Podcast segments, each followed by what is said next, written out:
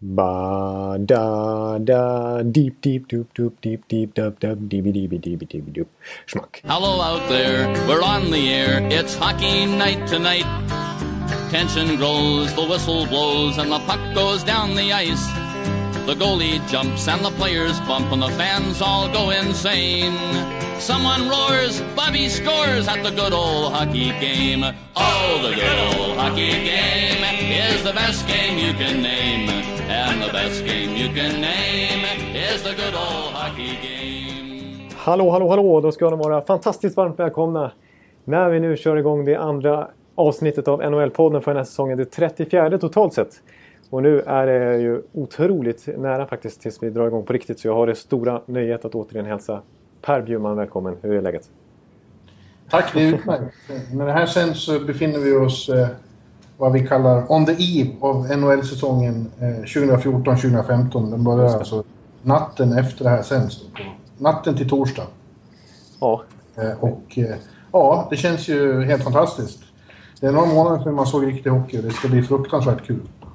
Ja, och det är pangmatcher på en gång. Eh, som vi vet, det är ju bland annat Toronto och Montreal som vanligt. Och vi har eh, Philadelphia, vi har... Eh, visst är det Philadelphia? Boston, Boston, Boston Philadelphia, precis. Och så har vi en, en hel radda West-matcher som är hy- hyfsade också. Ja, två. Två, Calgary, ja. Vancouver och eh, San Jose, Los Angeles. Eh, eller om det är Los Angeles, San Jose, så de får hissa sin eh, Stanley Cup-flagga. Ja, just det. Exakt, exakt. Och det är bara att rassla på sen på torsdagen och allt möjligt. Det är då mitt Tampa går igång. Så att, yes, det, man. Ja, jag är framförallt eh, överlycklig över att den här träliga försäsongen är slut. Eh, och att eh, det blir riktiga matcher. Eh, det har ju varit eh, okej, men det är tråkiga matcher när de inte betyder någonting. Och det slutar med att eh, eh, trupperna håller på att spikas nu precis medan vi spelar in det här. Och, eh, so far så är det ju den, den unge svensk som har slagit sig in och som vi vet kommer att spela i premiärlaget som rookie. Det är ju Andrei Burakovsky i, i Washington. ja, det var en, en riktig sensation alltså, eh, att få det beskedet. Eh, och nu plingar det till luren. Det är nämligen så att jag multitaskar när vi spelar in den här podden. Jag håller på eh, med en fantasy draft helt samtidigt. Så jag tar just i detta nu Nick Bonino faktiskt. Att då förstår ni att, ni är, att jag är långt ner i, i det här var typ eh, eh, 17 valet eller någonting. Men jag Jag tycker du ska ta Burakovsky om du får Nej, jag skulle ju tagit Burakovsky bara för det. Exakt, vad dum jag är. Han är ju fortfarande absolut ledig fortfarande. Nej, jag tog Nick Bonino. Nej, men vi fick ju just reda på, när vi spelade in här i alla fall också, att eh, William Nylander då inte eh, tar plats i Toronto. Men det är väldigt mycket besked nu, för precis när vi, den här kvällen och, eh, så är det ju faktiskt så att eh, trupperna ska bantas rejält eh, med sina sista spelare och de ska sättas och de ska klara lönetaket och så vidare. Ja. Eh, Det är, så det är väldigt mycket aktivitet bland alla klubbar och väldigt mycket nyheter just nu. Men som du säger, Burakovsky är. William, William har ju varit bra under första säsongen, men de tycker att, han, att det blir bäst för hans utveckling att han står på tillväxt ett år till i Sverige. Då. Det ser ut som att han åker hem och spelar för Modo. Ja, precis. Han själv uttrycker det i alla fall. Så att det, det lär ju bli klart vilken, vilken Ja. dag som helst det. Och sen är väl, det är väl ingen större sensation i och för sig, men det ser ut som att Jesper Fast tar plats här i, i Rangers också, premiärtruppen. Eh, Ja. och ett tag var ju den här, eh, för mig, eh, väldigt överraskande Oskar Sundqvist i Pittsburgh var väldigt nära lagen. Nu tror jag inte han tar plats från början, men det ser ut som att han kommer att få chanser. Ja, det, var, det, var, det har varit väldigt mycket positiva svenskar. En, en som vi kommer komma in på när vi pratar Colorado senare i programmet. Tanken med det här avsnittet är ju att vi ska plöja igenom West. Då. Vi gick ju igenom alla östlag förra veckan. Eh, då kommer vi komma till Colorado där ju alltså Dennis Everberg går direkt från Hockeysvenskan och förmodligen rakt in i fjärde kedjan i Colorado när, i deras premiär-roster så att säga. Han kommer vara det alltså. Ja, det ty allt tyder på det. Och Adrian Dater där borta som ju är, som du vet, bevakar Colorado. Eh, för Denver Post där, han hävdar ju att eh, kedjorna är satta och han har en plats i fjärde kedjan. Ja, det är väldigt... Det var faktiskt någon som skrev det på, på min blogg idag. Det hade jag missat helt. Eh, Jag trodde Gabriel Landskog var den enda svensken i organisationen. Eh, För jag, jag fläskade ut ett duktigt eh, eh, dokument i bloggen. Eh, Ja, det var det bland det saftigaste jag sett. 50 000 tecken. Ja, drygt 50 000 tecken. Ja. Eh, inför säsongen med då... Eh, eh, närmare titt på alla lag. Och, eh, för de som inte vet vad 50 000 tecken riktigt innebär. Nej. en krönika i tidningen är drygt eh, ja, mellan 2 5 och 3 000 tecken. Så det är ganska lång text. Ja. kan man hålla på och läsa ett tag. Ja, det, jag har inte... Jag tog mig igenom halva eh, på min långa tågresa in här kan jag säga. Ja, men du tänker läsa färdigt ju. Ja, det är klart jag ska göra. Ja. Du, jag tog Alice Hemsky nu i draften här. Mm. Det var ett bra val så sent tycker jag. Jag tänker mig kan bli bra i Dallas där. Ja. Han kan få en nytändning i Dallas. Ja. Men hör du, du sa ju just det att vi ska gå igenom väst och att vi gick igenom öst förra veckan. Men eh, när vi gick igenom eh, den konferensen eh, så visste vi inte allt som skulle hända. Och jag skulle vilja påstå att kartan ritades om lite här i helgen när eh, New York Islanders vanligtvis bespottade general manager Garth Snow tradade till sig två riktiga klassbackar. Johnny Boychuk från, från Boston och Nick Leddy från Chicago Blackhawks. Ja, det var, det var verkligen, för det var precis det vi snackade om. Vi hade båda... Problemet här kan man säga, det, det var ju att vi, vi snackade om att Johnny Boysack förmodligen kommer offras på grund av lönetakssituationen i Boston. Och vi sa att New York Islanders, de borde göra, något åt, de borde göra någonting åt sin backsida för den ser för tunn Ja. ut. Ja, den Det- såg för tunn ut. Nu gör den ju inte det längre. Nej. Eh, Johnny Boychuk är ju en, en, alltså en riktig two-way-back får man säga. Ett, ett ruskigt slagskott har han ju. Eh, användbart i PPs förstås. Men också, han är ju kanske ännu mer en defensivt skicklig och solid. En sound back som man brukar säga. Och hård och tuff. Ja. Han är otrevlig att möta. Ja. Och Nick Leddy är en, en spelande, duktig back. Begåvad back från Chicago. Ja, verkligen. Det, det är en spelare som, som har kanske lidit lite av att backbesättningen i Chicago är en av de absolut bästa i NHL. Det är svårt att peta Duncan Keith och. Brent Seabrook och så ett, så ett så samspelt backpar som Hjalmarsson och Odoja är. Så att, eh, han, har ju ändå... Förra säsongen gjorde han över 30 poäng ändå, Leddy. Eh, så att, Ja, jag, har- jag har sett honom riktigt bra några gånger. Och eh, i och med det då så skulle jag hävda att eh, Islanders är en riktig eh, playoff-kandidat nu. De kommer att slåss, hävdar ju då, om de där två sista slutspelsplatserna i, i öst med Detroit och Florida och eh, Devils och Flyers och eh, Capitals. Det blir en... Det blir en öst är inte lika bra som väst, men det kommer att bli fruktansvärt hårt och jämnt där. Ja, det, den där Metropolitan-divisionen tycker jag ser... Eh, alltså den, jag kan inte tippa... Jag vet inte vad jag ska säga. För jag såg att du tippade Washington och Philadelphia... Vad blir det? I botten av den divisionen. Ja, men jag, jag, jag, jag reserverade mig och sa att jag tror att det kan gå precis hur som helst. Exakt. För så har jag tänkt också. I något tips jag, jag har försökt rita upp så har jag Washington som tvåa. Ja. Eh, och Philadelphia, jag hade också långt ner och samtidigt känns det fel. Så att det kan gå Men- precis hur som helst där. Men så där händer då att Islanders plötsligt förstärker så dramatiskt. eh, Så skulle de andra behöva parera och kontra, men det är ju inte lätt eh, så här långt eh, in i, i, handlingen. Nej, den eh, så att säga... Oj, nu är det, nu är det dags för, för mitt lag igen. Eh, Pretto-laget heter mitt lag. Jaha. Eh, jag hävdar att... Ja, kolla här. Adam Henrik kan jag plocka. Det är väl rätt bra. Ja, det är bra. Det är bra. Han kommer, tror jag kommer göra riktigt bra ifrån sig i New Jersey i år. Ja, eh, den enda som är under 30 i den forwardsuppställningen. höll jag på att säga. Men... Vad har du för målvakter då? Ja, jag valde Jag hade ju första rundan så hade jag åttonde valet totalt och då valde jag en keeper. Så att jag, jag skippade sådana. Jag tog Tuka Rask. Ja, det var, det var inte dumt. Nej, jag tyckte, jag tyckte ändå att det kändes bra. Sen har jag, jag kan ju bara droppa då att jag har till exempel Jonathan Taves, Patrice Bergeron, Paul Stastny, eh, Brent Seabrook, Ryan Suter, PK, du, hur fan har du kunnat få så bra? Alltså? PK Subban. Ja, jag prioriterade centrar och jag var, jag, var, jag var faktiskt förvånad att jag kunde ta Stastny som typ i typ tionde rundan. För jag tror inte folk fattar att han kommer vara första center i St. Louis i år. Men herregud, Bergeron och Taves, den enda som är på den... Kopitar och de två är bra centrar. Jag, har, eh, eh, jag, jag kunde nästan haft alla tre Selke-nominerade centrar höll jag på att säga. Eh, Ja. Om jag hade tänkt så. Jag har ett, det här laget, det skulle nog, det skulle nog konkurrera om alla vassaste West-lagen skulle jag säga. Du kommer ju att krossa Olle Stefansson Jarko och allt vad de Jarko, du vet. Jarko, han sa att ingen får ta Teemu Selänne. Och han, det, känns, det visar ju vilken koll han har på den. Ja, tar han Teemu så blir det ju bra. För Ja, nu känns det lovande för mig i alla fall. Så att, Du tog inte P- eh, Peter Bu- Budaj som Morris då? nej, det, det, det höll jag mig undan från. Jag, Han har haft ett, en tung, ett tungt dygn. ja, det, det kommer vi in på när vi ska prata Winnipeg såklart. Eh, ett väldigt märkligt. Det är min tur igen nu. Nu är, det bara, nu är det mitt sista val i hela draften, så då kan vi släcka ner det här. Ta Hagelin. Hagelin såg jag plockades ganska tidigt. Det är mycket svenskar som går tidigt i den här. Vet du. Det här är Aftonbladet-ligan. Då, då, eh, då, försvinner det, då försvinner svenskarna. Eh, frågan är om man ska ta en keeper och säkra upp alltså. Jag tycker du ska ta Grossman så du får en hård back. Eh, ja, du tänker så. Ska jag ta Bjurman-valet då helt enkelt? eh, nej, men jag, jag, jag gör en... Eh, nej, fast då? Han kan ju bli en sensation. Ja, ja, jag borde ta en keeper egentligen. Men nu såg jag ett namn som jag, som jag bara måste ta. Bara helt ex, extremt färgat. Så tar jag Alex Killorn i Tampa Bay. Och, och, och, och 30% av lyssnarna stängde av. Ja. ja. Fast vi ska prata väst idag så brukar du sen komma in på Tampa. Ja, jag lyckas. Förlåt. Ja, men du, ja. nu ger vi oss på det här så vi inte blir så fruktansvärt långrandiga. Nej, det, det finns ju en eh, tendens eh, till det ibland. Eh, ska vi ta division för division och i bokstavsordning? Var det så du ville ha det? Ja, precis. Jag har lite äh, märkligt upplägg nu. nu. Den här gången, nu, nu tänkte jag fel. Nu tänkte jag hela konferensen äh, i bokstavsordning istället. Men vi kör, vi kör divisions, för divisionsklart. Ja, och då börjar vi Central. Ja, okej, okay, vi börjar Central. Ja, men det är bra.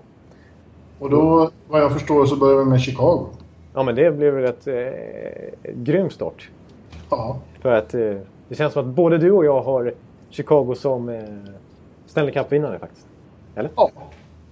Ja, jag, jag, säger ju det. Att Chicago möter Boston i final. Det är ett jävligt tråkigt eh, tips. Ja, det är otroligt tråkigt. Vi får be om ursäkt för det. Men... Konservativt och torrt. Jag skulle tycka det var roligare om det var, var, blev St. Louis-Tampa, för att säga. Även om jag ja. inte har något mot vare sig Boston eller Chicago. Men de har ju nyss varit i final. Det kan ja. bli lite enahanda. Men alltså, jag tror... Ja. Chicago känns ju som ett, eh, ett komplett lag. Eh, de kommer, tror jag, spela konferensfinal mot Los Angeles Kings igen. Det kommer vara stenhårt. Det är de som är supermakterna. Ja. Eh, I den här ligan. Och en konferensfinal mellan dem kommer vara den moraliska finalen. Det var det ju redan i fjol och, och det kommer att vara igen. och det kan väl egentligen gå hur som helst, men jag tror att Chicago möjligen, möjligen tack vare att de är revanschlystna, det brinner i, av lust att få, få slå tillbaka mot Kings. Och, och ja. vad ska man säga? Det är, det är svårt att hitta ett mer komplett lag. Ja, jag, jag gillar det du säger om maktkampen. För det, jag gillar din beskrivning du hade i bloggen där också med vad var det, kalla kriget. Och Björn Borg mot John McEnroe. Blur mot Oasis. Blur mot Oasis i England i popkulturen. Ja, det är lite så med, med, man ska komma, Jag vet inte om vi var inne på det senast men, men Kings-tränaren... Eh, eh, vad heter han nu? Nu står det still. Sutter. Sutter, Daryl Sutter. Mm. Han sa ju efter finalen mot Rangers där att eh, han hade ägnat hela OS-uppehållet åt att bara fundera på, inte eventuell finalmotståndare från öst, utan på hur de skulle ta sig förbi Chicago. Ja. Eh, och som, som, eh, eh som jag skrev i det här långa blogginlägget nu så skulle jag tippa att Joe Quenneville i Chicago har eh, ägnat hela sin sommar åt att försöka komma på en, en kontra eh, taktik just i förhållande till Kings. Ja. det, kän det känns faktiskt som att eh, nu har det gått en hel sommar och det, det har hänt massor med grejer i trupperna. Så här, men, men både, alltså, det känns ju fortfarande som att Chicago och LA är de klart mest kompletta lagen och de har trots det här lönetakssystemet eh, lyckats behålla i princip sina, sina trupper intakta och i Chicagos fall tycker jag till och med att de kanske har blivit lite, lite bättre. Med tanke ja. på att de lyckades få in Brad Richards nu som andra center. Han ersätter ju då en betydligt äldre, eller betydligt äldre, men ett par år äldre Mikael Hansus som andra center. Och det är ju... Ja, eh, det känns ju på pappret. Ja, men, men börjar gå ner och även Brad Richards har ju gått ner. Mm, här i, absolut. I, här i New York såg vi att långa säsonger, då, då tar bränsle slut såg det ut som. Ja. Men han kommer inte att behöva spela lika mycket, han kommer inte ha samma ansvar, han behöver inte vara liksom pappa åt hela laget i Chicago, verkligen inte. Utan just som andra center tror jag att han kan bidra med väldigt mycket. Ja, eh, och jag tycker faktiskt... Nu tog de in Brad Richard för de kände att de, att de ville ha en one-two punch där kanske, eller, eller bredda sin centersida. Eh, de såg ju på, på LA då som sitter på eh, ja, till liksom sin Richards, Mike Richards i fjärde kedjan till och med. Aha, ja, så att de fattar väl att det, de måste ha en starkare ryggrad där i mitten. Men eh, jag tycker en sån som Andrew Shaw eh, definitivt skulle kunna vara andra center i ett topplag i NHL också. Eh, han är nu tredje center och så har de även Marcus Kryger. Så att jag tycker eh, Chicago centersida ser riktigt bra ut. Jag har svårt att hitta några svagheter i det här laget faktiskt. Det kanske är då Corey Crawford.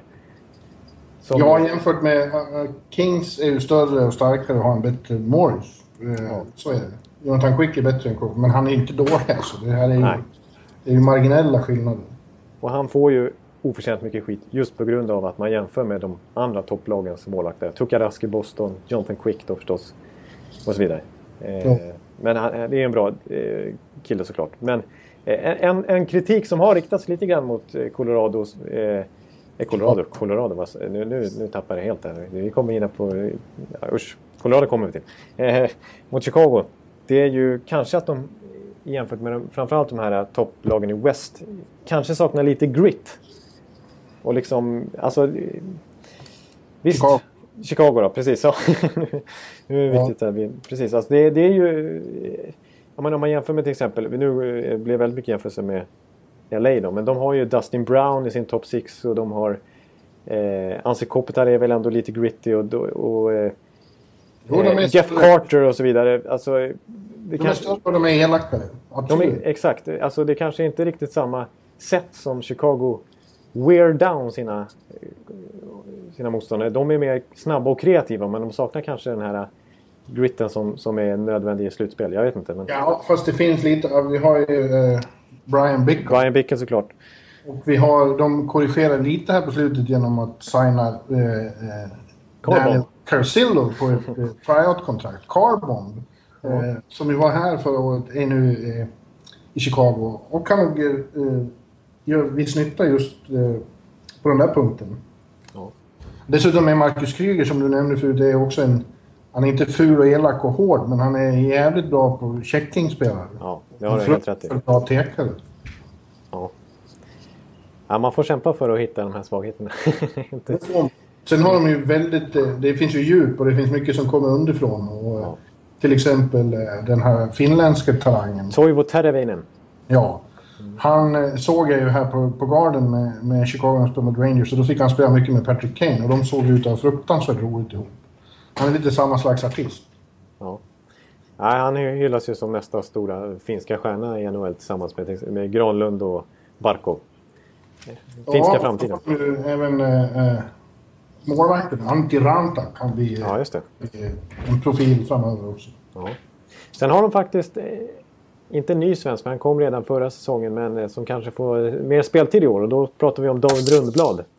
Precis. Han verkar ju ha slagit sig in och få vara kvar i truppen och kan ta en plats. Så det vore kul. Han har kämpat länge nu för att få en plats. Först i, i, i Ottawa och sen i Phoenix och nu i Chicago.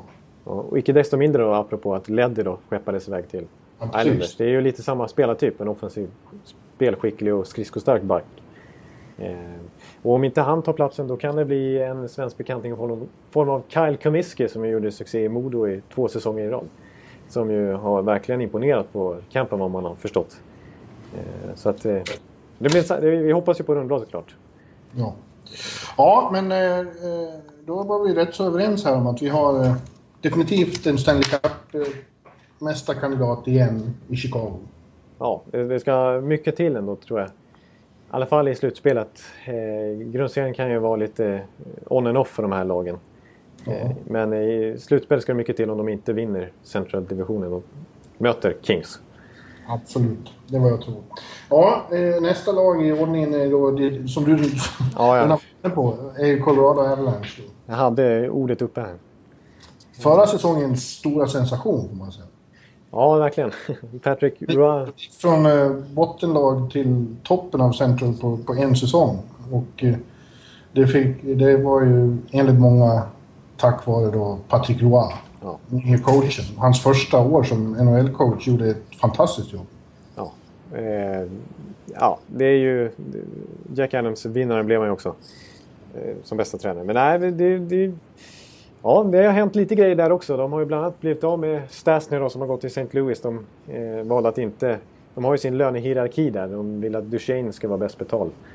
Eh, och eh, Stasner fick ju mer i St. Louis då. Men de har ju fått in Iginla och de har fått in...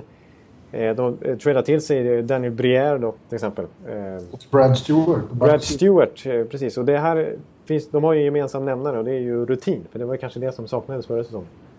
Ja, precis. Jag tror att det är bra på flera sätt. För, för det första så är det sådana här gånger när, när så här unga lag får en sån där snabb framgång så blir det ofta en reaktion året efter. Det blir sån här sophomore slump. Typ. Ja. Mm. Kollektiv sophomore slump. Eh, och eh, det tror jag man hjälper med att ta in så otroligt eh, rutinerade och mer som Iginla till exempel kan ju bli en pappa åt de här. Ja. Eh, McKinnon och Landeskog och Duchene. Men de är, kommer ju också betyda väldigt mycket i ett eventuellt slutspel. För då, då exponerades ju kanske Colorados orutin lite. Och deras lite ihåliga defensiv. Ja, det, det, det vill jag ändå att man ska trycka på. För att eh, det där försvaret, det var några... eh, Redan förra året inför säsongen så sa man att det där kommer inte hålla liksom. Och, Nej, precis. Det var, de överpresterade ju enormt under grundserien. ja, eh, sen var det ju faktiskt så att det var vissa... Till exempel när Nick Holden som kom från ingenstans och blev en stabil back i NHL. Men samtidigt känns det som att... Nu jämför man med... Det är ju West de spelar i och då känns inte till exempel sån Eric Johnson och Jan Heida som ett eh, tillräckligt bra första backpar kanske. Nej. Och det är lite tunt där bakom. Och Brad Stewart, visst, men det är... Han är lite trög ju såklart och har tappat några skär. Så att, Ja, men jag tycker ändå just med sin rutin och sin hårdhet ja. Så tror jag att han eh, blir bra. Men alltså, det, av de åtta som var i slutspel i fjol så känns det kanske som att Colorado är de som ligger risigast till för att missa i år. ja. Trots att de då har försökt adressa lite needs här. Ja, det, men alltså, det, det, jag tycker vi är lite väl hårda och kritiska. Ja, det är ett fruktansvärt talangfullt lag också med väldigt underbara spelare. Som, som eh, rookien, förra fjolårsrookien Nathan McKinnon, vilken show han hade i slutspelet. Ja, ja, verkligen. Och när vi tar vi, vi, sophomore slump, det kan ju bli tvärtom. De, det, troliga är väl att de blir bättre. De är ju unga spelare och utvecklas. Ja, Så att eh, det här kan ju bli ännu, ännu bättre såklart också. mitt grundtips är att de åtta som gick dit i fjol går dit i år också. Ja, jag håller med om det. Eh, de har ju en bra målakt också i Valamo såklart. Verkligen. Han var, gjorde en enastående säsong förra året. Eh, Vi får se om han eh, kan ha den kontinuitet som behövs nu.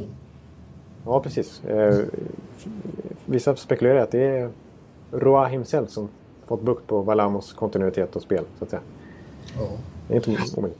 Nej, men Mc- McKinnon tror jag blir... Framförallt är jag väldigt spänd på. Alltså det, jag, jag tror han kan göra en... Han kanske redan nu kan göra en 80-90 poäng alltså. Ja. Eller?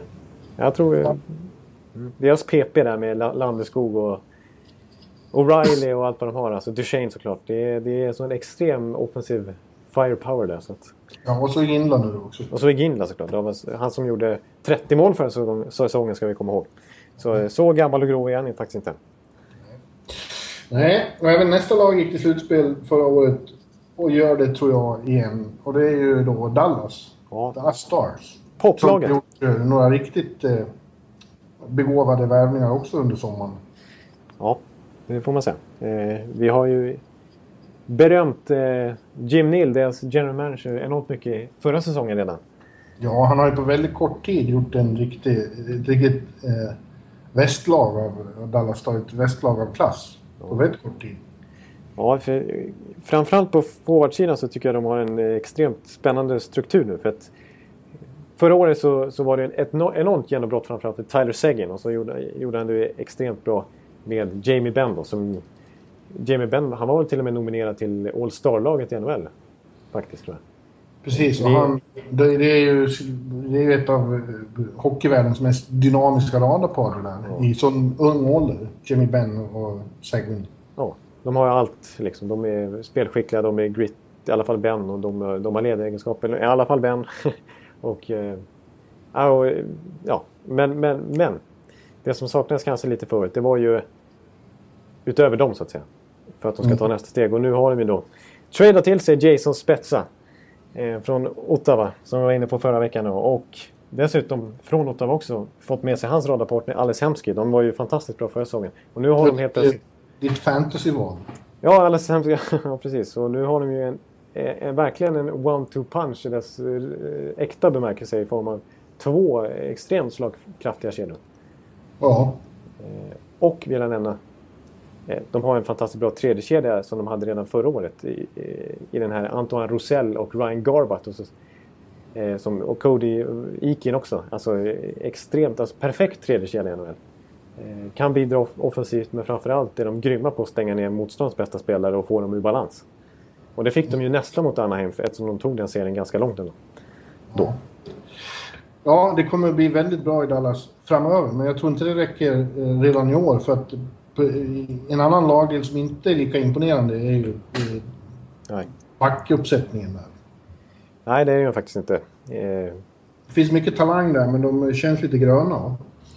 Ja, precis. Eh, det är ju Goligoski där som är väl deras toppback tillsammans med Trevor Daly kanske. Sen så Sergej Gonchar är väl skadad och gammal nu. Faktiskt. Ja. Han, har, han har definitivt passerat Zenit. Eh, ja. Sen är det lite intressant för att nu var det faktiskt så att det här Texas Stars, deras farmarlag, gick ju och vann hela AHL. Ja. Eh, och vissa av dem tar ju plats nu i laget på allvar. Patrik Neme till exempel. Precis. Eh, Jamie Oleksiak, eh, Colton Sevier är en väldigt spännande offensiv spelare också som kanske får chansen i, i en av toppkedjorna nu eh, faktiskt tillsammans med de här eh, kanonerna. Ja. Så att, eh, men men som, som, du säger, det, det, det är defensiven som är problemet. Sen har de ju faktiskt en bra målvakt i Kari Lehtonen. Ja. kan rädda dem i många matcher också. Och en okej okay backup ändå i Anders Lindbäck. Ja, de tog ju han faktiskt då. Med lag nerifrån. Ja. Mm. Jo, men då säger vi, om Dallas säger vi slutspel igen, eller hur? Ja, absolut. Jag, jag, eh, jag, ja, men det är inget snack om saken. Jag tror att de går till slutspel. Yes. Mm. Tror du även att eh, Minnesota Wild gör det igen? Ja, det vill jag verkligen hävda. Jag hävdar att de är en sleeper i Western, alltså som att alltså till och med kunna konkurrera med Chicago och Los Angeles. Vad säger du då? Ja, det är, är ju djärvt sagt, men inte helt korkat. de, har, de har ju långsamt byggt något väldigt fint där och de blir bättre och bättre hela tiden. Mm. Och få in nya pusselbitar känns som varje, varje år som liksom eh, går. förädlar hela bygget. Ja, precis. Eh, I år så är väl de pusselbitarna i form av inte minst Thomas Warneck. Ja. Som efter all, alla dessa spekulationer eh, till slut flyttar hem till sitt Minnesota. Ja, han, ju, han har inte varit något jättemycket hålla handen de senaste åren. Han har ju känt lite ofokuserad och så, men han har ju hela tiden velat till Minnesota har man förstått. Och, och då kanske han eh, blir glad och trygg och eh, sig själv igen. Det skulle inte förvåna mig. Nej. Han har ju, gick ju alltså college där va? och han har sin flickvän därifrån. Det är väl därför. Han är ju Österrike annars, men ändå. Eh, ja, alltså. Och sen så... Sen, ja, sen har de ju bra byggstenar som de har plockat sen tidigare i form av Zach Parisi och Ryan Suter såklart. Ja. Eh, och så har de ju Mikko Koivu sen ännu tidigare, men de har också... Nu börjar de verkligen få snurr på sina, sin enorma talangpool. Men ja. Eh, nu är ju sådana som Mikael Granlund och eh, Jonas Brodin eh, verkligen etablerade. Och alltså, ja, toppspelare ändå. Den här unge finländaren som var så bra i slutspelet. Erik Haula. Ja. ja. Och det är mer ja. på gång där. Vi, hade, såg förra året även Nino Niederreiter. Eh, och eh, vad heter han nu igen? Den här... Eh, jag tappade namnet. Jag skulle haft laget framför. Charlie Coyle. Charlie Coyle, precis. Också ja. väldigt, väldigt eh, bra, stor, stark spelare, en powerforward. Alltså, ja, jag, tror, jag tror att det där laget kommer ta ytterligare ett kliv. Jag gillar även deras coach Mike Geo. Eller Joe kanske man säger. Ja, jag tror man säger Geo. Ja. Eh, men de behöver få ordning på en punkt som ju var lite kaotisk förra året. Ja. För, för att uttrycka det milt. Och det var på målvaktssidan. Ja, precis. Eh, och det, tyvärr, för deras del, så, så har det inte varit så mindre kaotiskt den här försäsongen. Nej. Eh, Fan, det slutade med Brysval var där, eller hur? Ja, och nu är han väl tillbaka igen. Ja. Tagit ja. Sel- sitter på bänken och tar selfies med fansen och allt man har gjort. ja. Eh, nej, och sen... Eh, De har ju väldigt bra målvakter. Niklas Bäckström som delar namn med en svensk forward, men inte samma man. Jag måste alltid påpeka det, för annars kommer ett mejl. Ja. Eh, är ju bra men jämnt skadad och eh, Josh Harding är kanske ännu bättre men han har ju dessvärre MS. Och sviterna börjar märkas av det. Och, och, så gjorde han ju bort sig här på säsongen när han väl kom tillbaka för att han skulle alltså ha bråkat med en lagkamrat. Varpå han sedan på något sätt har gjort sig illa i foten så att han, han bröt väl till och med foten tror jag. Eller om det var en tå han bröt. och blev avstängd av laget. Så han är, helt, han är helt otillgänglig just nu. Men så var ju han den, eh, den andra, Darcy, vad hette han? Kemper, Ja. Han var ju också bra när han spelade. precis. Eh, nej, han, tror jag, han tror jag mycket på faktiskt. Jag tyckte han... Han, han har kanske inte riktigt den där eh, höga... Eh, höga ceilingen om man ska säga på engelska. Att han, han, eh, den är hö, Tak. Alltså, Ja, precis. Han har kanske inte den där enorma kapaciteten, men han är ändå stabil. Liksom. Han gör sitt jobb. Eh, och jag tror det kan räcka ganska långt för dem ändå. Eh, Ja. Det är inte ultimat, men jag tycker ändå att det, det är bättre än Brysgalov i alla fall. ja. Men eh, som sagt, det behöver bli bättre ordning på det där torpet, eller hur? Ja, på målvaktstorpet i alla fall. Annars tycker jag att, eh, att de gör ett fantastiskt bra jobb. Framförallt på forwardsidan. Sen tycker jag att backsidan är helt okej. Och det ska bli intressant att se en annan svensk där. Christian Folin. Eh, som fick göra någon match redan förra säsongen. Den här collegestjärnan som vi knappt hört talas om i Sverige. Ja, precis. Han har ju gjort, eh, han har gjort det riktigt, riktigt bra på försäsongen här vad man fått höra också. Och går rakt in i laget här. Eh, så att, eh, och så har de ju eh, Jared Spurgeon och de har eh, Marcus Candell och allt vad de heter. Jag tycker deras backsida ser helt okej ut ändå faktiskt. Det, även med ju ytterligare en svensk där, Gustav Olofsson. Just det. Som eh, får börja i AHL men som också gjorde bra ifrån sig på campen. Eh, så att... Eh, ja, jag, jag, jag, jag, hävdar att Minnesota... Redan förra säsongen så, så såg vi vad som hände i slutspelet. Eh, de, de hade svårt för två år sedan. Men nu i våras så, så var de ju faktiskt då och störde Chicago rejält. Ja, det sa ju Chicago-spelarna efteråt att de, det var en jävla skillnad mot säsongen innan. Det var my- mycket, mycket svårare att spela mot. Ja. Och den utvecklingen tippar jag fortsätter, absolut. Ja, och då skulle kanske innebära att de tar sig hela vägen till då konferensfinal. Ja, det skulle vara intressant. Vi får se. Ja. Det gör däremot inte nästa lag som är Nashville Predators. Nej, det, det, nej, det tror jag faktiskt inte heller. Det, de spelar en för tuff eh, division. Ja, det är som de för åtskilliga andra lag i väst att eh, är geografiska problem. Spelar de här ute i öst, då skulle de gå till slutspel. Otroligt. De skulle definitivt vara med i kampen. Ja. Eh, det är inget dåligt lag egentligen. De har ju... Eh, de har ju några riktigt, riktigt bra spelare, men jag tyckte det kändes lite eh, oroväckande där att, att eh, general manager var tvungen att plocka in så många nästan has-beens. Eh, Ja. Spela ut framförallt i mitten där med, med Olli Jokinen och, och Mike Ribeiro. Derek Roy. Ja, precis. Det känns inte som några tunga pjäser längre. Det kändes som att han gick ut och tröst åt på marknaden nästan när, när Jason Spezza hade dissat dem. Ja, just det. Just det. Han visste. Han dissade dem ordentligt så nej, det finns inte möjlighet att jag går till Nashville. Och det är konstigt. Jag skulle gärna bo i Nashville, det kan jag tala om. Ja, ja, jag vet. Det, det, det har vi förstått. Nej, de, fick ju, de hade ju ett, ett, vad man förstår, minst lika bra bud på, på Spetsa som Dallas hade. Men eh, det var Spetsa som satte stopp. Eh, och då gick de istället ut och plockade varenda center som, som fanns över på marknaden nu. Ja, Jokinen, Derek Roy och Ribeiro. Ribeiro som ju blev utköpt av Phoenix.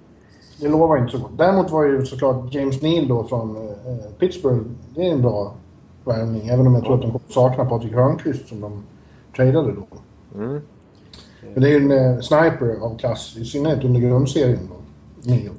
Ja, precis. Och sen så är det folk som ställer sig frågan hur kommer det gå nu? För att eh, han har fått gratis mål i form av att ha spelat med Crosby och Malkin i flera år här. Men han var ju bra redan i Dallas när han inte Ja, hade den, den typen av lagkamrater. Så att, eh, jag tror att det är en jättebra värvning och framförallt en målskytt. Det är det de har saknat. Men samtidigt så kanske det är, man, man har stirrat sig blind lite på, på, på det här att de gjort så lite mål av spelarmaterialet. Det kan ju också vara så att de hämmats av Barry Trotz som ju nu är utbytt till slut. Ja, Mot en, en väldigt offensiv coach i Peter Laviolette. ja, det tror jag i och för sig blir bra. Om inte annat så blir det roligare för publiken i Nashville. Han har ju betydligt offensivare filosofi. Ja. Ja, det, det, kommer ju, det kommer ju helt andra tyglar på spelarna. Eller lössläppta tyglar. Ja, nu ringer det här. Nu ringer vi, reklamen här igen. ja, vi struntar i det. Det är bara någon sån här jävla, vad heter det? Eh, eh, telefonförsäljning den här tiden på dygnet. Ja, det ser vi. De får eh, Men ringa eh, de har ju också väldigt... Eh, de har ju några riktigt lovande unga spelare. Till att börja med har de en av världens bästa backar i Shea Weber. Ja, Och sen har de några riktiga talanger i Seth Jones till exempel. Ja. Förra draftens mest hypade spelare. Eh, och de har en svensk i Filip Forsberg som det pratas väldigt gott om nu. Jag tror jag var inne på det redan förra veckan att de sa att det var en pojk som lämnade Nashville i våras och en man som kom tillbaks på hösten.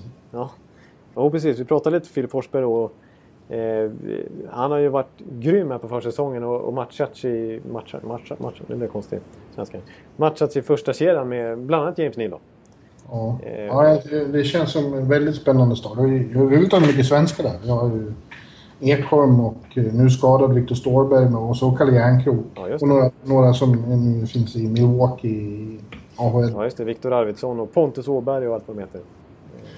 Så det är ett bra lag. Det är bara det att konkurrensen är så fruktansvärt eh, tung för dem. Ja, de spelar inför tuff division helt enkelt. Men, men de blir ju sjukt intressanta att följa för att det kommer vara ett helt annat Nashville. Det kan vi enas om. Ja. Och så har de, vi ska inte glömma det också, de har en av, när han nu är frisk igen så är ju Pekka Rinne en av världens bästa målvakter. Ja, jo det är eh, Och det var ett, ett, ett stort problem för dem förra året. För att då fick de gå runt på ett antal målvakter som helt saknade NHL-rutin. Typ Carter, Carter Hutton. Eh, och eh, Mats Hanek där, tjecken och allt vad de hette. Ja. Så att eh, Pekarinne har ju tagit dem till slutspel förut. Ja. Och nu känns ju laget i övrigt bättre också. Kom ihåg det, när man sitter den här tiden på året så tror man att man förstår så mycket, vet så mycket. Så plötsligt kommer det lag och överraskar som Colorado i fjol till exempel. Ja, det kanske är Nashville. Vi vet ju ingenting om dem än så länge. Så. Nej. Vi enda, enda laget som slog Tampa Bay på försäsongen. Dit. Eh, vi har eh, då eh, sen St. Louis Blues. Ja. det är bara bra, bara bra lag vi, vi pratar om nu. Ja, det är ju också en, en contender. Ja, i allra högsta grad. Hela tiden. Det kanske är djupaste laget av dem alla.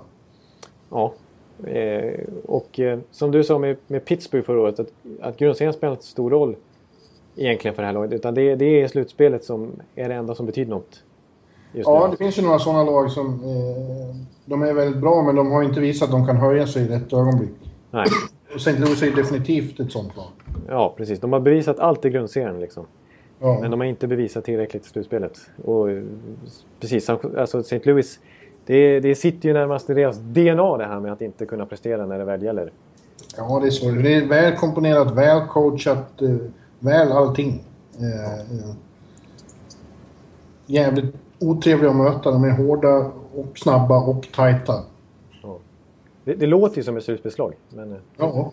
Och ändå så har det inte riktigt varit det. De har ju gått på pumpen flera år i rad här mot eh, LA och Chicago. Det är de två supermakterna som verkligen vet hur man spelar slutspelshockey. det, det, är precis de två, precis, det är precis de två lagen som har slagit ut dem hela tiden också.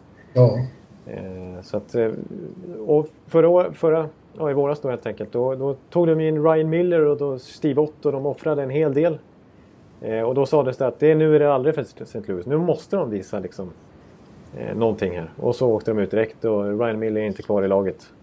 Nej, Ryan Miller var inte alls vad man hade hoppats på. Det tycker jag är lite konstigt för det är ändå en väldigt bra Morris. Ja. Och på den punkten är väl den som de känns kanske svagast. Precis, nu är det återigen Brian Elliott som ska vara första målvakt där. Eh, Ja. Han hade ju en sensationssäsong för två år sedan.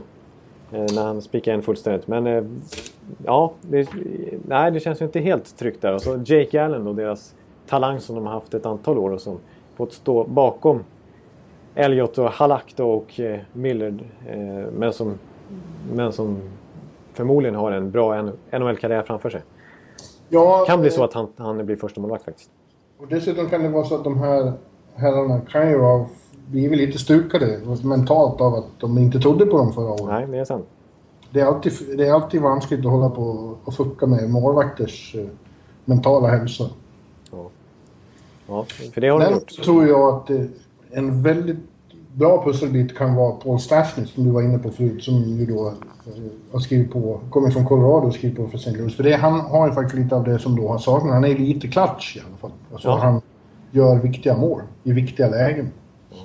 Och han har varit, eh, apropå klatsch där, så har han ju varit extremt bra. Alla gånger han har varit med USA och spelat VM och så här och även OS så har han varit eh, en av eh, USAs absolut bästa spelare.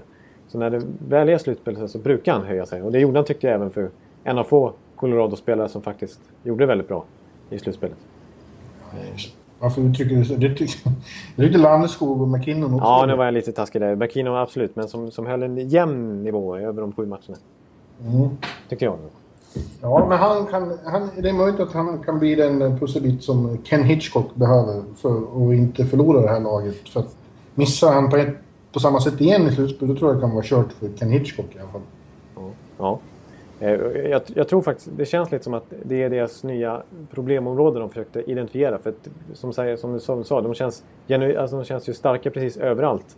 Men så kom de fram till förra säsongen, nej det är nog målvaktssidan vi måste stärka och så funkar inte det. Eh, nu är det ju det andra här, de har, att det har pratats om att de saknar en riktig första center. Ja, då lägger de alla pengar på det, eller ja, väldigt mycket pengar på det. Eh, gör Stasny till lagets bäst betalda spelare. Så att, eh, ja. Ja, det är inte helt oproblematiskt, men, men det går inte att räkna bort Schenkel. De, de skulle kunna, de, rent eh, på pappret så borde de kunna gå till final. Ja, det håller jag helt med om. Förra året hade ju du dem som Stanley Cup-vinnare vill jag minnas. Ja, törs jag inte ha igen, men eh, jag skulle inte bli ledsen om de, om de lyckas. Nej, nej.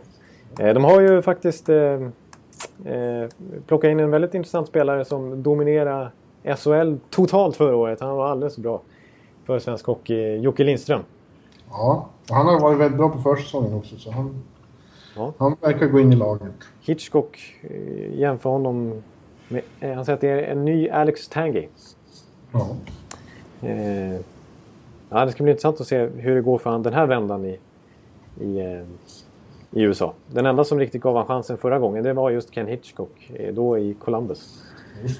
Eh, så har de, även, de har ju tagit lite andra alltså, spelare från eh, från den här sidan Atlant som jag sitter på. Juri Lehtere som har varit väldigt bra för Finland i VM och eh, Östing i KHL. Han, han har plockat in, han kan bli andra eller tredje center nu direkt. Så att eh, det, det, de har fyllt på ytterligare den där forwardspoolen vilket i sin tur innebär, inneburit att Magnus Pääjärvi Svensson hans lite sladd... Det är bara Pääjärvi. Ja, det är bara Pääjärvi nu, ja just det.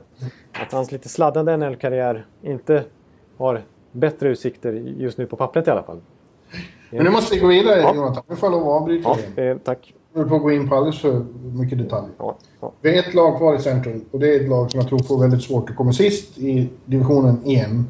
Mm. Det är Winnipeg Jets. Ja, det, det, kan, precis. Det kan vara så att de till och med fightas, eh, att de får fightas om ett, eh, ett om Conor McDavid. ja, i draftvalet. Ja. Ja, ja, för de känns ja, rent ut sagt för svaga ja. i alla lagdelar. Och de ska alltså möta resten av de här lagen i den här divisionen mer än alla andra lag. Ja, det kommer inte att gå. Nej.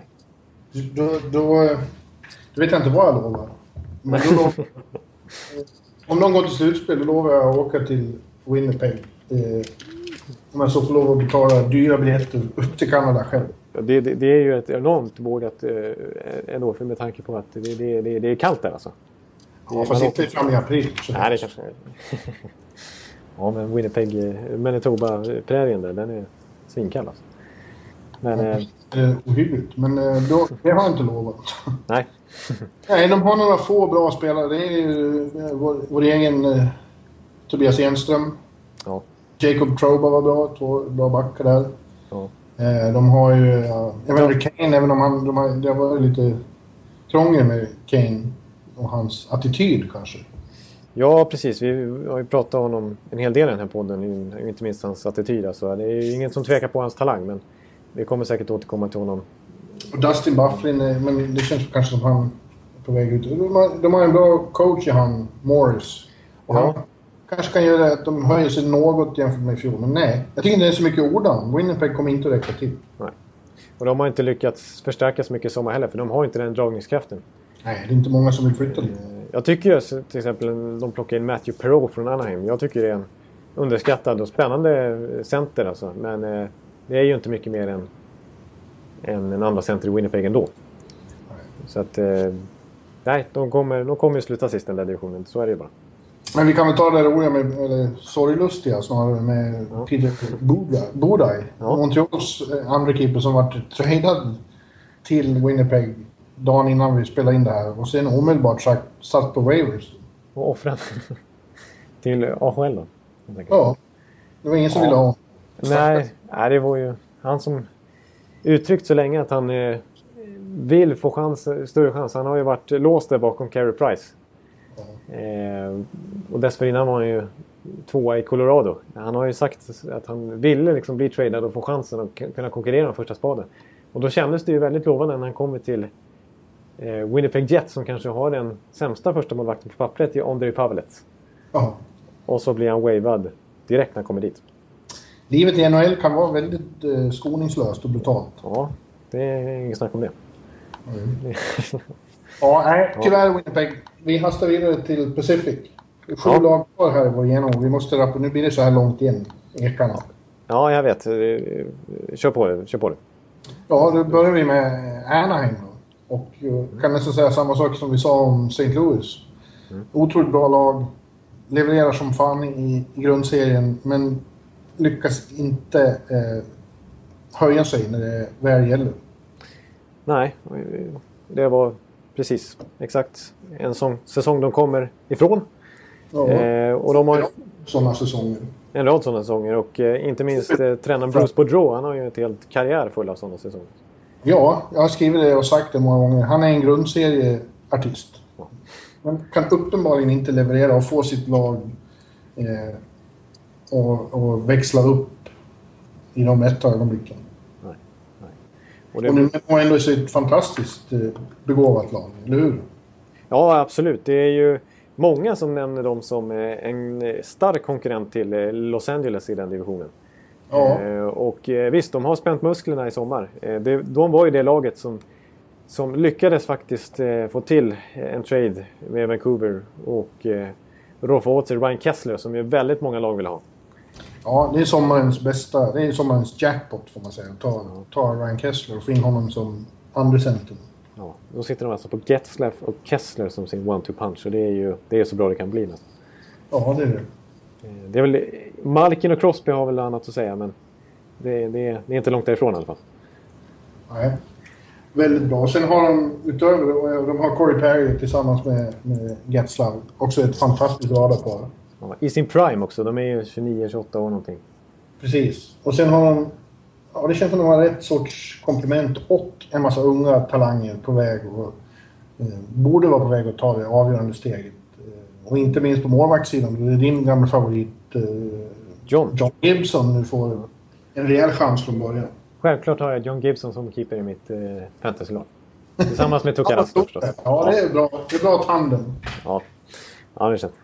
Nej, men eh, det, det blir inte... Alltså, det, men jag är ändå lite, kanske lite osäker på, på de här unga spelarna. Inte, inte Gibson och Andersen faktiskt. Jag, tycker, jag tror inte man behöver känna oro för deras målvaktssida.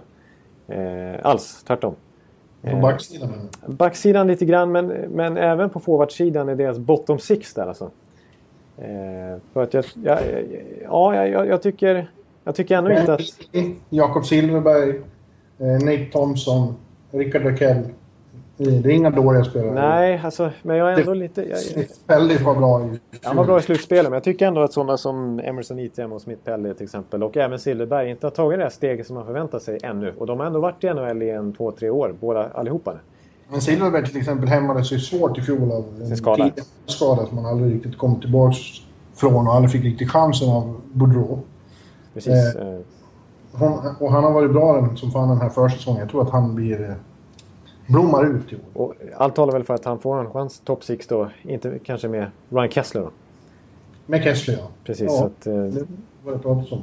Exakt, för förut har vi kanske problemet varit lite grann för de här riktigt offensiva spelarna. Att det finns ju bara en plats bredvid Getzlaff och Perry. Om man vill Ja. göra massor av poäng. Men Nate Thompson, han kommer ju från Tampa. Han är väl en bra... Ja, jag, jag blev ju väldigt besviken när, när Tampa gjorde sig av med honom. För att det var ju en riktig publikfavorit och en fantastisk eh, boxplay-spelare. Och karaktär. Och även duktig i slutspel. Eh, Så att det är klart att det, han blir väl deras tredje eller fjärde center. Han kommer göra fantastiskt bra. Avlasta i boxplay såklart.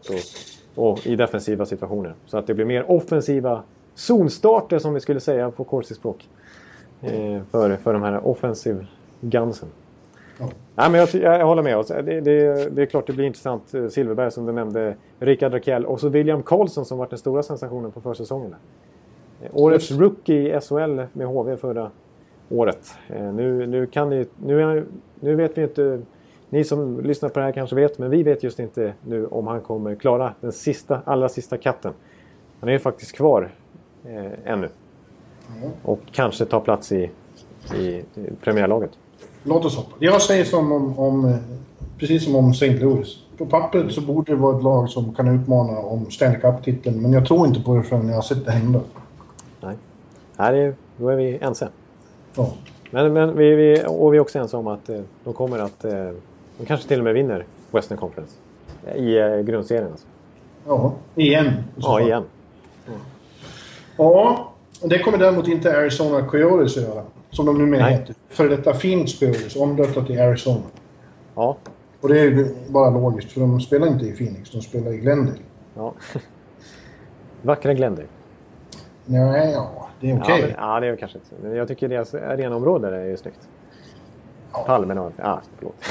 Jo, det är trevligt att vara på hockey där, det ska ingen säga något annat. Nej. Men, eh, ja du. Jag tycker att det, det här har vi ytterligare ett exempel på det här med... Han hade nog kunnat gå rätt bra i öst, men inte i väst. Nej, alltså så här är det väl att deras backsida håller ju eh, extremt hög klass eh, oavsett vilken division de skulle spela i. Men problemet för dem är att de har ju en av NHLs absolut sämsta forwardsidor. Om inte den sämsta. Ja, det är väldigt svårt att se vem som ska göra mål. Ja, det är väldigt svårt att se vem som egentligen är en värdig första kedjespelare i ett eh, bra NHL-lag. Ja, Tycker jag. Alltså, han är en... Verbata tycker jag är underskattad, men han försvann ju till Vancouver. ja, precis, exakt, exakt. Han var ju en av ytterst två som gjorde över 20 mål förra säsongen. Ja. Han är borta nu. Eh, nej, det, det är fortfarande... Men grejen är ju att det har sett ut så här förut. Och de har ändå levererat för att Dave Tippett är en så väldigt bra coach och skapar bra eh, vi mot världen-attityder och slag. Och verkligen fått eh, ett kollektiv att fungera där. Ja, verkligen. Och det är väl inte omöjligt att han kan igen, men nu är det det här med konkurrensen, att den har vuxit så mycket, blivit så mycket starkare och svårare. Ja, eh, precis. Alltså, nej, jag, jag eh, fortsätter att droppa några forwards. Det är liksom eh, Simon, eller vad säger jag, Simon Gagné heter han inte. Eh, Sam Gagner. Sam Gagner, Gagner precis. Eh, som ju var dumpade både Edmonton först och sen även Tampa Bay en, en, eh, en timme innan han draftades vid, eller tradades vidare till Arizona. Han är, blir ju kanske andra center där nu. Helt plötsligt. Och det säger ju allt om deras kvalitet på, på deras top six inte minst. Alltså, Martin Erat skulle föreställa dig också. ja, exakt. Som ju inte alls höll måttet i Washington. Och, eh, Antoine Vermette, det är klart han är bra, men det är ju en kille som snarare skulle vara en stabil tredje center i, i, i ett topplag, tycker jag. Ja, i topplag i väst, ja. Ja, absolut. precis. Eh, inte första center. Eh, Hansa gillar jag också. Jag tycker att han är en av de absolut bästa spelarna framför mål i powerplay i hela NHL. En Thomas Holmström-typ. Men eh, det är inte heller en kille som bär ett lag i väst. Så att, Nej, det kommer att bli svårt. eh, Förmodligen. Men ja, jag tycker då, vi var inne på vad, vad Islanders gjorde, att de faktiskt bytte till sig backar som de gjorde. Alltså jag tycker Phoenix, de har, ju, de har ju så väldigt mycket backar, de kan göra tvärtom. Alltså de måste ju försöka offra lite där bak nu för att få in någon ordentlig eh, forward. Alltså jag menar, de har ju utöver då Oliver Ekman Larsson och Keith Yandel och så vidare så har de ju även eh, Michael Stone, Connor Murphy, Brandon Gormley eh, och så vidare. My, David Schlemko. Alltså det, alla de här har ju faktiskt trade-värde. Så att, eh, jag tycker definitivt att de skulle kunna offra någon eller ett par av dem för att få in en ordentlig forward. Ja, men vem skulle vilja trada bort eh, forwards som håller tillräckligt hög klass då? Ja. eh, ja, ja du. Nej men det tror jag att det finns eh, möjlighet att, att, att, hitta någonstans. För att backar är också väldigt svårt att få tag i. Normalt. Verkligen. Verkligen, det är det. Men de är, du pratar ju inte om eh, topp två-backar ändå. Nej, eh, nej. eh, eh, precis. Det kanske inte är tillräckligt bra backar för att kunna få in en, en målspruta i första kedjan. Men ja, jag vet inte. Ska de kanske helt enkelt släppa Jandel eller Ekman Larsson? Nej, för fan, det går inte. En av dem? Ja, en, men inte Oliver. Det är ju en framtida och ganska snart Norris Trophy-kandidat tror jag. Ja, absolut. En av Sveriges fem, sex bästa NHL-spelare. Ja, Ja. ja så, så är det bara. Sen har de då en målvakt som eh, kan vara hur bra som helst, men han är lite vinglig mentalt. eh, Den gode Mike Smith. Ja, Ja, ja det är han. Han gjorde en fantastisk... För två, tre år sedan här bar han dem väldigt långt. Mm. På sina axlar. Ja. Det är lika där. Är, konkurrensen är för svår. Precis, och med Smiths fall så är det både psykiskt och fysiskt han är lite obalans. Kan säga, för han, han har en förmåga att skada sig rätt ofta också. Precis. Ja, men du, jag skulle vilja hävda att eh, nästa lag också lider av lite problem på forwardsidan. Det är Calgary Flames då. Ja. Det är ingen särskilt skräckinjagande eh, ansamling forwards heller. Nej, det kanske är det. Nej, verkligen inte. Och totalt sett är det kanske minst namnkunniga laget i hela NHL den här säsongen. Ja. ja. Eh, de är, befinner sig i en rebuild. Ja, de är djupt nere i sin rebuild. Ja. Eh, och det, det vet måste... alla om. Det, det, kommer säkert, ja precis, de vet ju om det. Det kommer bli bra om några år men eh, det dröjer ännu ett tag. Ja precis, och det gör inte så mycket för dem heller för att skulle de göra... De, det var ju nästan så att de överpresterade lite förra året. Ja precis, de började spela väldigt trevlig hockey på slutet. Ja precis, de vann mycket matcher. När pressen släppte under den här rebuilden liksom var i, i, initierad, då var det som att hela organisationen slappnade av och så, så var det roligare för de visade mycket hjärta och så. Ja, det gjorde de faktiskt. Eh, och samtidigt som de eh, då också håller på och, och antar Brian Burke-form. Alltså han, är ju hockeychef där och eh, han gillar ju en viss sorts hockey. Hård och bufflig och otrevlig. Precis, de har en coach där som är av samma snitt i Bob Hartley. Ja, verkligen. John Tortorellas... Äh, Ärkerival. Ja, verkligen. De hatar varandra enormt. O, obeskrivligt mycket. Men... Eh, Tortorella borta så han kan skratta i båset i Calgary medan de bygger vidare. Men eh, som sagt, det blir, det blir nog bra om några år. Ja, eh, det, det, tror jag också. Och, sen vill jag säga en, en sleeper som jag eh, i många fantasy-diskussioner och som jag tyvärr missade nu, tyvärr. Det är ju en helt ny kille som ju är regerande Hobie Baker-vinnare, det vill säga bästa spelaren i college-hockeyn i USA. Johnny Gaudreau. Ja, det har jag hört Alltså. Precis, han gjorde, fick ju testa på en match redan förra året eh, på slutet där och gjorde mål i den enda matchen. Och sen var han enormt bra i, i eh, VM. Han fick ju spela VM för USA. Gjorde 10 poäng eller sånt där. Eh, helt färsk i seniorhockey. Eh, han är ju väldigt liten, men eh, jag tror han bara är 1,73, 1,74 och sen väldigt småväxt. Men har e-, enormt spelsinne och skridskoåkning och Eh, poängpotential. Och, eh, för, förhoppningsvis så kan han bli en liten revansch eh, man ska säga, för Calgary. Eh, för när jag tänker på små spelare som kommer från collegehockeyn. Marty St. Louis är ett sånt exempel. Han fick ju, han fick ju först chansen i, i Calgary. Sen blev han dumpad, fick knappt eh, spela ordentligt. Och eh, kom till ett annat lag och lyckades mycket bättre. Jag ska inte nämna det laget för det har vi gör vi ofta ändå. Nej, men Johnny Gaudreau kan bli en ny Maurice Sendik. Ja, nu måste vi vidare. Vi, så, vi pratar för mycket, Jonathan. Ja, det är... Förlåt. vi är uppe en timme nu. Ja. ja, men då går vi på... Eh, vad kommer vi då? då? Vi kommer till eh, Alberta ja, just det. Som nu har befunnit sig i en likadan rebuild länge och för länge sedan borde ha, ha tagit sig ur den och vara ett, eh, ett framgångsrikt en given... Eh, Händer. Ja, slutspelsstammis vid det här laget. Med all, all enorm talang de har samlat på sig i Edmonton. Då. Men det blir ju ingenting. Nej. År efter år så gör de alla besvikna. Och får, får inte ut vad de borde få ut av de här talangerna. Nej, det är ju, det är ju massor med draftettor alltså i, i Taylor Hall och Jordan Eberle och, eller Nugent Hopkins, Nigel Jakubov. Ja. Eh, nej, och... De har aldrig lyckats bygga någonting runt dem som har varit av särskilt mycket värde. Plus att de här som de faktiskt har inte har motsvarat förväntningarna ändå. Nej, inte det heller.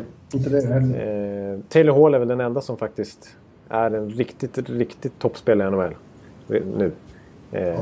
Men eh, vi har inte helt, jag tycker inte att de har övertygat oss eh, jättemycket i sommar heller.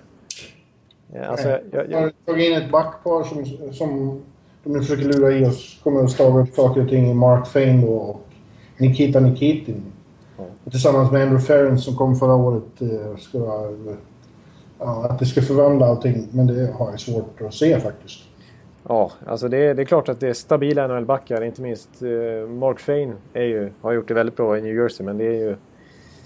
Det, det, de här killarna... Som, som lyfter ett lag. Nej, precis. Och det är inte killar som spelar 25 minuter per match. Nej, och inte på forwardsidan heller. Vi fick dit uh, Rangers-karaktären Benoit Pouliot. Ja. som fick fem och han fick ju väldigt för mycket pengar och Ja. långt kontrakt. Men det är ju för, som för Edmonton som för Winnerby, de har ju svårt att locka dit spelare. Det är inte så många som vill bo Nej, där. nej, precis. Eh, och då måste de överbetala.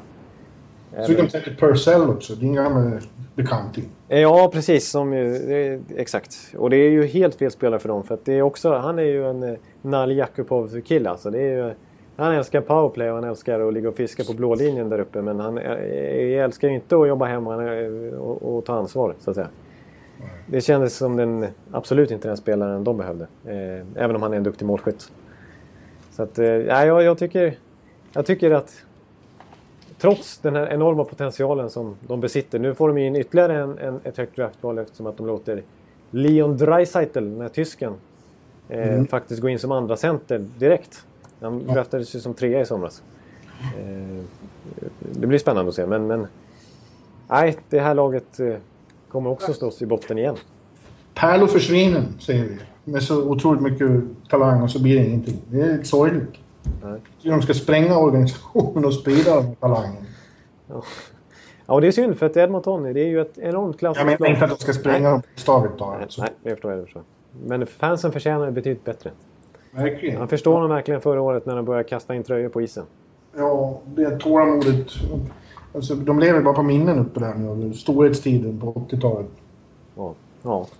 Vi, vi, vi får ju hoppas då kanske att eh, det nya målvaktsparet eh, Ben Scrivens och Victor Fast kan staga upp någorlunda, lite grann i alla fall. Eh, För att eh, de har ju saknat målvakter av klass. Ja. Det gör de inte i nästa klubb. Nej. där har vi Jonathan Quick. Och, då tar vi om regerande Stanley Cup-mästarna Los Angeles Kings. Som jag tror har den bästa chansen på många år att bli första lag sedan 98 att eh, försvara titeln. Ja. ja, det var ju Detroit 98. Ja, var svunna tider. Eh, nej, tidigare i, i avsnittet att det är en kraftmätning mellan dem och Chicago. Och jag tror att de kommer mötas i, i konferensfinal igen. Den kommer vara, som jag sa, den moraliska finalen och sen blir det eh, ohyggligt hårt. Men det, Los Angeles har absolut chansen att vinna det. Fan, de har ju samma lag igen. De har tappat en spelare och det var Willie Mitchell som försvann till Florida. I övrigt är det samma lag som kommer in igen.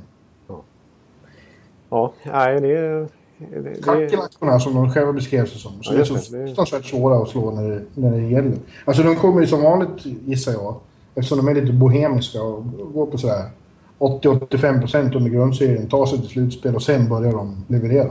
Ja, och det verkar vara en smart taktik av honom. De har ju energi hela vägen fram. De, Ja, plötsligt blir de den här stegrande, det här monstret. Stora, starka, elaka, snabba, effektiva och som sagt klatsch så det bara skriker om det. och som kan... går att slå dem, vilka jävla lägen de än hamnar i. Ja. Fruktansvärt bra slutspelslag. Och som kan spela sammanlagt eh, 39 övertidsperioder och, och vinna. det. Ja. Och mot alla olika slags lag. De, de kan spela vilken slags hockey som helst. Och det är inget, inget lag som rår på deras hockey så att säga. Alltså, de, de går inte att komma runt riktigt. Oerhört imponerande. Här i, i New York är liksom bilden att de har ganska nära då eftersom det var tre övertider. Men det var inte heller någon tillfällighet att Los Angeles vann alla tre övertider. Nej. Nej. De, de är som bäst i, i de lägena. Och det är det man måste vara. Det är det man måste vara. Det är det som är ett slutspelslag, ett mästarlag. Och de har ju massa unga spelare som kommer att bli ännu bättre, tror man. Ja, precis. Det, det tycker jag är värt att nämna. För att man kan tro att det här är ett färdigt lag som vann förra året. Liksom. Men eh, det finns ju ännu mer att hämta av, av många spelare. Det var ju till exempel så som Tanner Pearson. Ja. Slog ju verkligen igenom i slutspelet. Toffol. Toffoli. Eh, de, eh, de två, i alla fall Pearson var ju knappt ordinarie under grundserien. Och de har även Kai Clifford och fler spelare, Trevor Lewis allt vad de heter, de här i bottom six. Eh, Och sen så massa spännande, väldigt spännande backar då. Jake Mussin som ju gjorde det otroligt bra tillsammans med Drew Dowdy. Och du, har de ju en... eh, Jag menar, det är nästan världens bästa back. Ja. ja. Det drar ihop sig. Ja, pre precis. När det drar ihop sig. För att eh, anledningen till att han inte vunnit Norris Trophy än, det är väl förmodligen för att han är... Han, är, han går på 80-85% i grundserien. Ja, men det blir OS, när det blir OS och när det blir Stanley Cup, då är han andra. Då är det ingen som... Då är han ju bäst alltså. Ja. Så, så jag tror att det, det, blir hårda bud för motståndarna igen. Stark varning för Los Angeles Kings. Ja, jag håller med. Men tilläggas bör vill jag ändå säga att det här är kanske sista året vi får se Los Angeles Kings i den här eh, formen i alla fall. För att eh, de har många spelare som sitter på utgående kontrakt. Ett antal i alla fall. Bland annat Toffoli och så här. Som kommer ju kunna få enormt eh, mycket högre lön i andra klubbar. Så att jag tror att de riskerar att tappa lite spelare till nästa säsong. Och jag tycker kanske att det var lite dumt att de inte köpte ut Mike Richards som de ändå använder som fjärde center. Mm. De kanske skulle behöva lägga de pengarna på, eh, på annat i framtiden. Men det är en eh, väldigt bra fjärde center också. Ja, det är en väldigt bra fjärde center. Och eh, Lombardi, där, deras eh, general manager, har ju varit enormt skicklig på att eh, lösa liknande problem tidigare. Mm. Ett annat lag som har betydligt tuffare på alla fronter är San Jose Sharks. Ja, de som hade det klart bittraste säsongsslutet förra, förra året. Ja, men det har de ju. De har ju vana av ja, de vet ju. fiaskon i slutspelet. Gloriösa grundserier som alltid slutar med magplask i slutspel, men aldrig så, så magnifikt som senast. När de alltså leder med 3-0 i serien mot Los Angeles och sen tappar bort det. Som blott fjärde lag i historien. Ja, ja det är ju... Ja, jag vet inte. Det, det, har ju snackats om rebuild till den här säsongen men det är ungefär samma gäng som kommer tillbaka. Ja, det blev det ingenting av. Man trodde att han, eh, general manager Wilson skulle äntligen sluta sitta med armarna i kors. Men det enda som har hänt är att Biggie och Thornton har blivit av med kaptensbinden. Ja. Och, eller kaptensset. Och eh, ja, det, det känns ju som det bara skapar oro. Ja. Ja, alltså de hävdar ju att eh, när de fått nya frågor nu på försäsongen om vad, vad, vad snackar de om rebuild för? Det har ju inte hänt någonting liksom. Så här. De menar att äh, men det är en rebuild i eh, liksom, strukturen på eh, den interna hierarkin. Att eh, nu är det inte Thornton och Marlowe som är de givna ledargestalterna längre utan nu ska vi släppa fram Couture och eh, Hertel och så vidare. Pavelski, det är de som ska bli de... Det är de som leder laget nu. Ja. Eh, men det där tror jag... Ja. Jo, jag förstår tanken men jag, jag tror inte särskilt mycket på den. Nej. Faktiskt. Jag tror att det kommer bli precis som vanligt. Ja. Eh, och, och det, risken är större än någonsin också för när de väl kommer till slutspel då kommer ju det här minnet av den här totala fiaskot. Ja. Det var ju rena Brasilien mot Tyskland i fotbolls-VM. Ja. Eh, det kommer att sitta i, i psyket på allihop och de kommer aldrig att känna sig säkra. Nej, nej och, och, och eh, jag, har de mot all förmodan glömt bort det så kommer de bli enormt påminda av det av reporterna där. Ja, det... ja verkligen. Det är ju synd på, igen säger jag, synd på så rara ärtor. För det är ett jävligt bra lag. ja, det är ett väldigt bra lag. Eh, fantastiskt bra lag och jag tycker de har att de här nya, eller nya, de är inte så nya längre allihopa, men eh, att de har många skickliga unga spelare också. Hertel då som kanske hade kunnat vinna Calder Trophy förra året. Ja. Eh, om han inte hade blivit skadad där. Eh, även Matt Nieto som, som slog igenom i slutet av säsongen. Och eh, de har ett antal backar där. Justin Braun, Jason Demers och så här, som jag tycker är bra. Eh, sen får vi se vem som blir första målvakt då. För att en som chokade rejält i den där slutspelserien, det var ju Antiniemi. Ja, min gamla favorit. Ja. Det kan vara på nedgång. Eh, och det kan ju bli så att Alex Stalock blir första målvakt nu istället. Och sen har de lämnat lite luckor där tycker jag då med Brad Stewart och, Dan Boyle försvinner. Det har gjort att ja, de får lov att göra om Brent Burns till back igen. Han var ju det från början och gjorde som till forward men nu får han vara back igen. Ja, ja nej, jag håller med där. Det, eh, nej, det är lite frågetecken där på backsidan. De har ju en väldigt underskattad defensiv back i Mark Edward Vlasic. Ja, eller Vlasic eller vad man nu säger. Som ju faktiskt tog plats i OS-truppen till och med för Kanada. Så att, eh, nej. Ja, men jag, jag, jag, hopp, jag måste ändå säga att jag hoppas att verkligen att San Jose kan bryta det här spöket någon gång. Alltså. Men det, är, det känns inte som att det är rätt år att göra det för att det är så otroligt tufft nu. Så att det kommer att skita sig ändå. Det kommer skit. Det går till slutspel och sen blir det fiasko. Men däremot så tror jag att det finns ett eh, sista laget vi ska diskutera i, i den här genomgången inför säsongen. Lag nummer 30 i, i Ekelivs och Bjurmans eh, genomgång. Eh, Vancouver Canucks. Där Ja. tror jag det finns hopp om eh, lyft jämfört med förra säsongen. Det tror jag också. De har ju, en, de har ju faktiskt eh, en helt ny tränare nu framförallt. Ja, det var ju så att John Tortorella, gamla eh, Captain Ahab från New York här, kom in och förstörde Vancouver förra året under sin katastrofala ettårssession. Ja, det var bland de sämsta eh, tränarperioderna man har sett i NHLs historia, höll jag på att säga. Ja, han förstörde laget, han förstörde organisationen, han ställde till en massa skandaler med sitt förbannade humör. Ja, Och, och, och tog... Eh, han tog, tog udden av eh, tvillingarna Sedin, ett av hockeyvärldens absolut bästa radarpar någonsin. Nej, någon, de senaste decennierna. absolut bästa tvillingpar kan vi definitivt säga. Ja, det kan vi definitivt säga. Och eh, det är väl så att den nya tränaren, Willie Desjardins. Deschardins, ja, just det. Han kommer inte kunna reparera allt på ett fingerknäpp direkt, men... Nej. Men eh, jag tror att det räcker med några få saker som kommer göra allting bättre. Till att börja med att det blir en mycket, mycket trevligare och mindre anspänd eh, miljö, arbetsmiljö för, för hela klubben. Ja. Och så kommer han att hushålla förhoppningsvis bättre med bröderna Sedin då. De eh, körde han ju slut på helt. De Ja. tyckte det var kul att få spela mycket och få alla jävla möjliga och omöjliga roller. Eh, men de gick ju sönder och de slutade producera. Ja, precis. Det är exakt så. Ja, Han, Tortorella ville ju att, eller han satte in dem i boxplay och han satte in dem. Han, de fick ju lira liksom backminuter. Ja, fan det var ju som nästan de skulle vara målvakter. Inte långt. Ja. Och eh, jag vet inte om de någonsin kan komma tillbaka till samma nivåer som för fyra fem år sedan här när de gick och vann poängligor och Hart Trophy och allt. Men de kan definitivt, de har fortfarande mycket hockey i sig och kan definitivt göra mycket, mycket mer än vad de gjorde i fjol.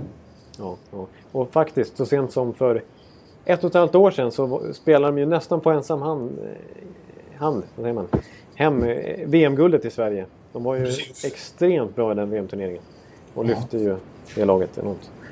Så att, nej, Will Desjardins, han är ju alltså, det, det var ju han som ledde det här Texas Stars-laget till AHL-segern eh, i Ja. våras. Så att, eh, det är ju en väldigt offensiv coach.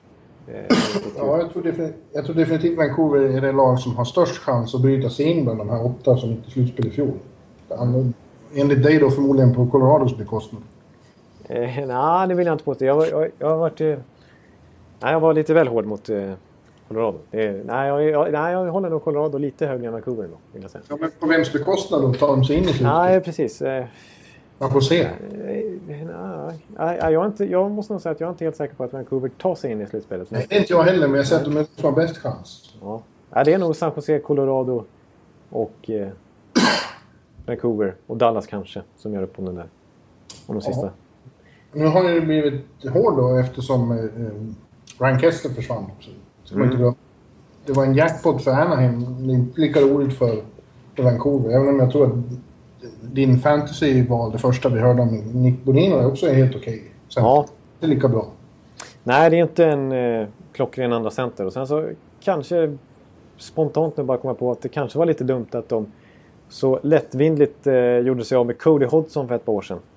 Eh, som jag tycker ändå eh, gjort det väldigt bra i Buffalo. Eh, alltså, det skulle kunna ha varit en stabil andra center i, i Vancouver nu. Eh, de fick ju in Varbata då som ska bli den nya radarpartnern till Sedinarna har jag tänkt. Ja, det har ju låtit som att det har gått väldigt bra under försäsongen. Eller okej, väldigt... Ja, det har gått bra i alla fall. Ja. Wilbata han brukar vara en pålitlig kille, till och med i Phoenix, eller Arizona. Då. Över 20 mål. Med Senedinarna så kan det ju kanske bli 35-40 mål.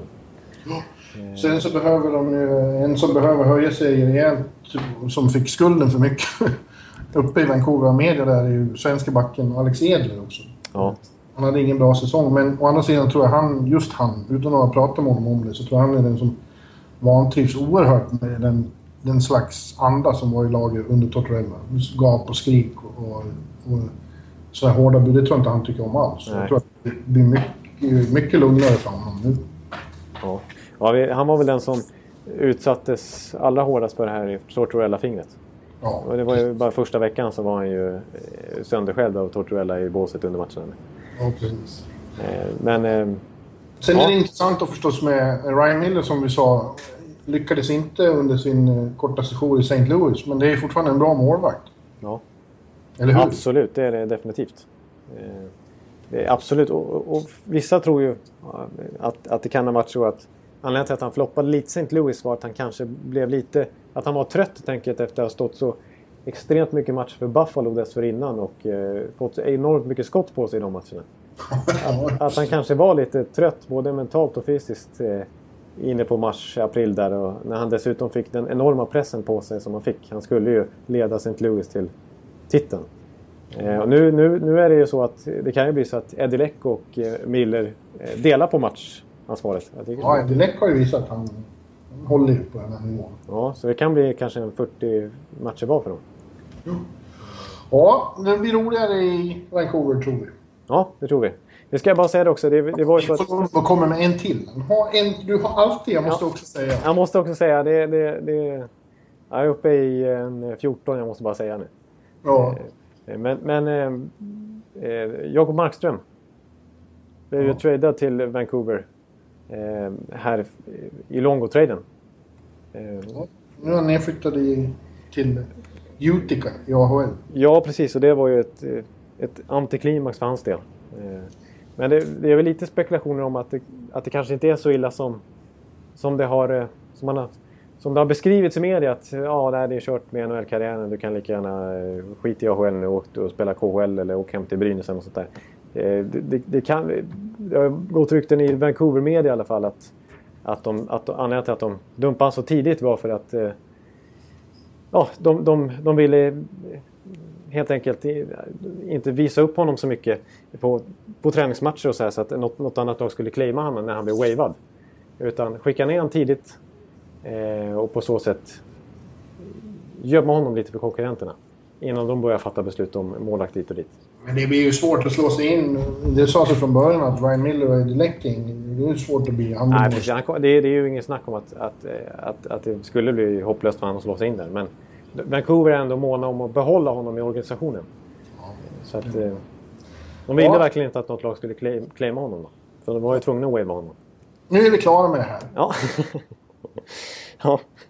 Sammanfattningsvis så tror vi att det blir... Eh, det tråkiga tipset är att det blir Chicago-Boston i final. Mm. Eller Los Angeles-Boston. Det var mina grundtips. Det ro, ett roligare tips från mig är att det blir Tampa-St. Louis. ja. Och du säger Minnesota-Montreal. Montreal, ja okej. Ja okej. Eh, ja okej, jag säger väl det. Ja, Minnesota i alla fall säger. Ja, och nu börjar det. Snart vet vi mer. Vi kan ha rätt och vi kan ha fel. Det kan bli precis tvärtom mot vad vi har sagt. Ja, precis där i. Alldeles oavsett så blir det fruktansvärt roligt. Ja, det blir enormt eh, fantastiskt. Och det är alldeles... Vi, vi, vi kanske hörs i natten här, eh, gott folk. Twitter och allt vad det heter. Och i NHL-bloggen inte minst. Ja, För snart så, så släpps pucken på allvar och då är det ju full fart eh, varenda natt här i, i eh, tusentals spelomgångar nästan. tusentals matcher i alla fall. Ja nästa gång vi hörs då har vi riktiga NHL-matcher att prata om. Och händelser och eh, eh, slagsmål och mål och målvaktsinsatser. Det ska bli härligt. Ja, det ska bli fantastiskt härligt. Då är det på riktigt igen. Ja. Har du avslutningsvis någon 34 åt oss? Ja, Carl Söderberg. Ja, just det. Ja, det, det känns som att det, det får räcka så. Ja, Ja, det var, jag uppskattar verkligen att det var du som kom ihåg det och tog upp det för en gång. Jag tänkte att det, det kunde bli mitt femtonde. Jag måste bara säga att. Men det, Ja, men det, han kommer säkert få en bra och kan bli tradad eftersom hans kontrakt går ut och hamnar någonstans där han får en ännu större roll. ja, just det. Det ser jag fram emot. Kanske till eh, Arizona Coyotes. Arizona. Ja. ja, men du. Eh, tack så mycket då Jonathan och eh, happy NHL-premiär. Ja, tack så mycket. Happy NHL-premiär säger jag till dig också. Det säger jag till alla våra fantastiska lyssnare. Och tack så mycket för att ni hängde med oss så här långt eh, än en gång. Yes. Så hörs tack. vi. Allihopa, ha det gött! Oh, take me where the hockey players face off down the rink. And the Stanley Cup is all filled up for the champs who win the drink. Now the final flick of a hockey stick and a one gigantic scream. The puck is in, the home team wins the good old hockey game. Oh, the good old hockey game is the best game you can name. And the best game you can name is the good old hockey game. Oh, the good old hockey game is the best